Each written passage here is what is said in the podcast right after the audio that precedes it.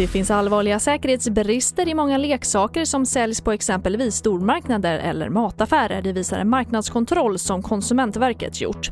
Av 15 leksaker som undersöktes fanns det problem med fyra. Exempelvis kunde smådelar lossna vilket innebar en kvävningsrisk för barnet. Och mer om det här kan du se på TV4 Play. Och två ryska krigsfartyg kränkte den 14 september svenskt territorium genom att gå in på svenskt vatten under totalt 11 minuter på västkusten vid Vinga. Försvarsminister Peter Hultqvist säger till TV4 Nyheterna att det naturligtvis är ett brott och att det inte är acceptabelt enligt det regelverk som gäller. Och migrationsminister Morgan Johansson är försiktigt positiv till det förslag om en EU-gemensam migrationspolitik som Ylva Johansson presenterade idag.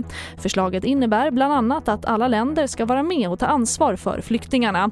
Antingen att själva ta emot eller hjälpa till med återvändandet för de som inte får stanna.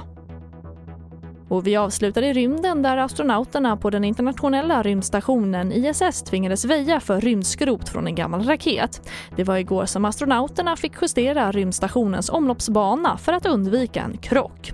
Och det får avsluta TV4-nyheterna. Jag heter Charlotte Hemgren.